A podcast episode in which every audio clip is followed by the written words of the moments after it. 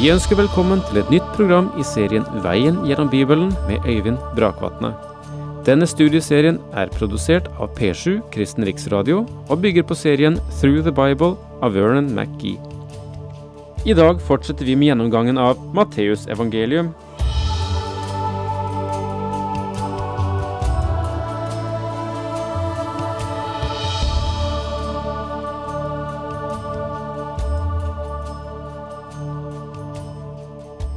Hva er hovedordet i den kristne tro? Ja, det er Hvis vi hadde fått det spørsmålet, og nå sitter vi med det her, hva ville vi så ha svart? Ja, hovedordet i kristen tro ville vel mange si, det er, eh, det er Jesus. Ja, det er vi vel enige om. Men om vi nå forstrekker det litt og sier hva er hovedordet i den kristne tro etter navnet Jesus, hva ville du så ha svart? Er det åpenbaring eller gaver eller utrustning? Hva er hovedordet? Nei, jeg tror at hovedordet er ganske enkelt dette ene. Det er forsoningen. Det er intet annet ord som helt og fullt ellers, hvis vi står ved ett ord, skal fylle det eller kan si noe om det som kristendom egentlig er, enn dette ene ordet forsoningen. Og jeg håper, kjære dere som lytter i dag, at intet annet i den kristne tro overstiger dette med forsoningen. At vi ikke lar noe annet, verken undere eller gaver eller tegn, og jeg har intet imot noe, jeg fryder meg og gleder meg, over dem som kan fortelle hva de har opplevet og har av kristne erfaringer, men vi må ikke la noe overskygge det som er det sentrale faktum i den kristne tro, og det er forsoningen. Og det er den vi behandler nå. Det er dette vi har sett på i de siste kapitlene, og det er dette som tar den aller største plass i evangelien også. Det er selve forsoningen. Hva Jesu død egentlig betyr. Nå vel, vi må skynde oss videre. Vi er i slutten av Matteus evangeliets 27. kapittel, og vi leser fra vers 62. Neste dag, dagen etter helgeaften, gikk overprestene og fariseerne sammen til Pilatus og sa, Herre, vi er kommet til å tenke på hva denne bedrageren sa da han ennå levde. Etter tre dager skal jeg oppstå. Gi derfor ordre om å holde vakt ved graven til den tredje dag er over, så ikke disiplene hans skal komme og stjele ham og si til folket at han er stått opp fra de døde. Da ville vi få et nytt bedrag, verre enn det første. Pilatus svarte, Her har dere vaktmannskap, gå så og sørg for vakthold slik dere finner det best. Da gikk de av sted og sikret graven, både med vakter og med seil som de satte på steinen. Fiendens seil bekrefter faktisk Jesu oppstandelse. Om de bare hadde gitt seg av og forlatt graven som den var, så kunne deres forklaring på at graven var tom, vært sannsynlig. Men, min venn, når du står ovenfor en grav som er forseglet og romerske vaktposter holder vakt over den, så synes deres forklaring om at apostlene stjal Jesu legeme meget lite sannsynlig. Jesu fiender gjorde store anstrengelser for å sikre graven, og det faktum bekrefter på en forunderlig måte hans oppstandelse. Et annet interessant poeng er at da Herren hadde fortalt sine disipler om at han ville stå opp igjen på den tredje dagen, så hadde de fortalt det til atskillige mennesker, eh, slik at det også hadde nådd de religiøse ledernes ører og så snart som de fikk innvilget ny audiens hos Pilatus, så sa de, hør her, Jesus ga til kjenne at han ville stå opp igjen på den tredje dag, og vi ønsker å være sikre på at hans legeme forblir i graven. Selvfølgelig trodde de ikke at han ville stå opp igjen, men heller ikke hans apostler trodde at han ville komme ut av graven igjen, levende. Og det er kanskje også verdt å, å merke seg. Ja, jeg tror at vi eh, der må si farvel til kapittel 27, og nå begi oss inn i det 28. og siste kapittel i Matteus evangeliet. Og hele temaet for dette kapittelet er Jesu oppstandelse og til sist misjonsbefalingen ble gitt. Evangeliets bro hviler på to pilarer. Den ene er Kristi død, og den andre er Kristi oppstandelse. Lytt igjen til apostelen Paulus når han definerer evangeliet.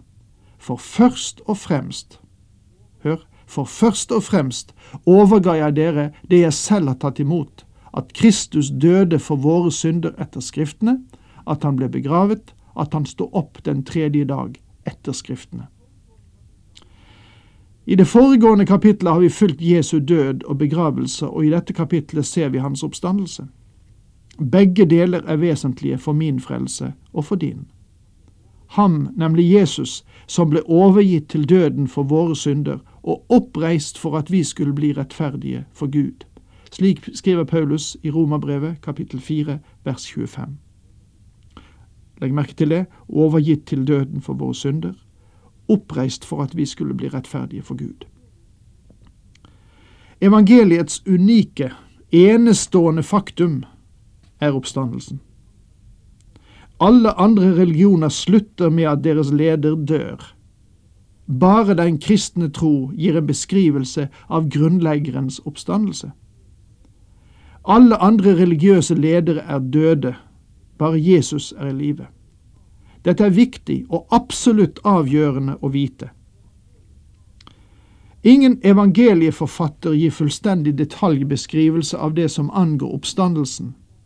Hver av dem gir den side av oppstandelsen som bidrar til å fremme den hensikt som Ånden hadde i sinne. Derfor presenterer evangeliene et sammensatt bilde.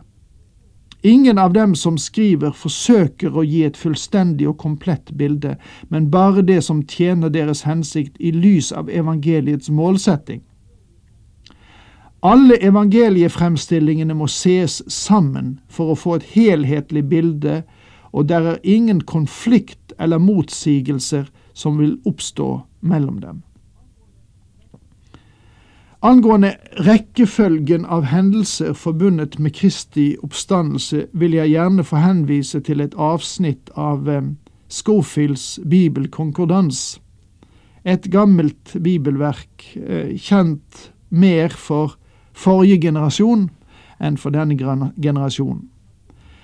Og nå eh, Kanskje du ikke klarer å følge med i alt her, men jeg vil iallfall ta med eh, dette, for hvis du stiller sammen eh, evangeliene, vil du se at eh, ting må ha forekommet selvfølgelig i en viss rekkefølge.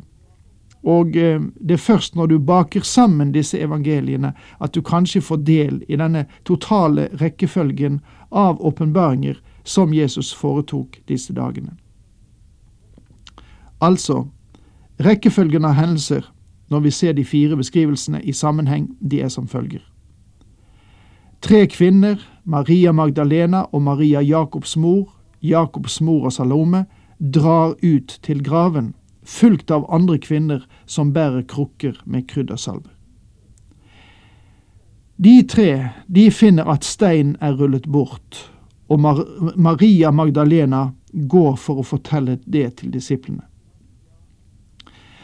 Maria, mor til Jakob, nærmer seg graven og ser Herrens engel.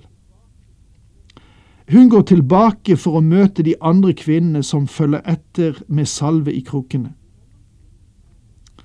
I mellomtiden er Peter og Johannes informert av Maria Magdalena, nådd frem, ser inn og drar bort. Maria Magdalena vender gråtende tilbake, ser de to englene og deretter Jesus, og går for å fortelle det til disiplene slik som han ba henne. Men Maria, mor til Jakob, har i mellomtiden møtt de kvinnene som kom med salvene, og når hun vender tilbake sammen med dem, ser de de to englene. De får også englenes budskap, og når de går for å oppsøke disiplene, blir de møtt av Jesus. Altså, rekkefølgen av Herrens åpenbaringer synes å være denne. Først det som foregikk den dagen han oppsto. Da åpenbarte han seg for Maria Magdalena, for de kvinnene som vender tilbake fra graven med englenes budskap, og for det tredje for Peter, sannsynligvis på ettermiddagen. For det fjerde for de to disiplene som dro til Emmaus om kvelden. Og for det femte for apostlene med unntak av Thomas. Altså, det er den dagen som oppstandelsen har funnet sted. Men så åtte dager etterpå så åpenbarer han seg for apostlene når Thomas er til stede. Og så har vi en tredje åpenbaring, altså en åpenbaringssekvens, og den foregår i Galilea. Først for de sju ved Tiberiasjøen, som Johannes forteller om i sitt 21. kapittel. Deretter på et fjell for apostlene og 500 brødre. Det forteller Paulus om i 1. Korintiabrevs 15. kapittel. Og så åpenbarer han seg i Jerusalem og Betania igjen, først for Jakob, det skriver også Paulus i 1. Korintiabrev kapittel 15, deretter for de elleve, og så får vi ta med videre en åpenbaring for Paulus, nær Damaskus i apostelgjerningene 9. kapittel, deretter i tempelet som står omtalt i apostelgjerningen kapittel 22 og i kapittel 23. Og så åpenbarer han seg for Stefanus utenfor Jerusalem i apostelgjerningene 7.55. Og så for Johannes på Patmos, som det står omtalt i åpenbaringen 1, versene 10 til 19. Ja, her var mye, så jeg vet ikke om dere klarte å få med alt. Men i alle fall så forteller dette at Jesus har gang på gang åpenbart seg, og at han åpenbart seg under mange forhold, slik at dette ikke skulle oppfattes som en hildring eller noe de ikke kunne stole på. Matteus presenterer Jesus som konge. De sidene av oppstandelseshistorien som inneholder de mest sensasjonelle elementene, tar han med. Der er en trompetfanfare over Matteus' beretning. Jesus ble født som konge. Han levde som en konge. Han døde som konge, og han sto opp fra de døde som konge. Matteus han forteller om jordskjelvet, om englene som steg ned, om steinen som ble rullet bort, om de engstelige vaktene og om anstrengelsene som ble gjort fra de religiøse ledernes side for å dekke over det faktum at graven var tom. Sammenlign Lukas evangeliet med Matteus' beskrivelse. Og Der hos Lukas er det en ro og en neddempet tone som karakteriserer hele Lukas' hensikt og fremstillingsform. Kvinnene kom i stillheten tidlig på morgenen, og steinen er allerede rullet bort. Den Herre Jesus viser seg for to ukjente disipler på en smal, kronglete vei som førte fra Jerusalem til Emmaus, og så for disiplene i et hemmelig rom i et hus med ukjent adresse. Lukas gjengir den menneskelige historie, mens Matteus presenterer hans kongelige tjeneste. Begge to har rett, på samme måte som beskrivelsene i de to andre evangeliene, men de er presentert fra fire forskjellige vinkler. Alt dette må vi ta med.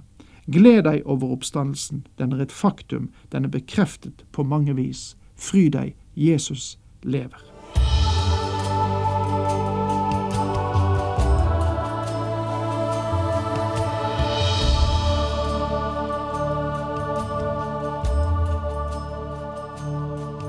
Du hørte Øyvind Brakvatne i studieserien Veien gjennom Bibelen. Serien bygger på et manus av Vern McGee. Har du spørsmål eller kommentarer til programmet, kan du sende en e-post til vgb krøllalfa p7.no. Takk for i dag, og på gjenhør.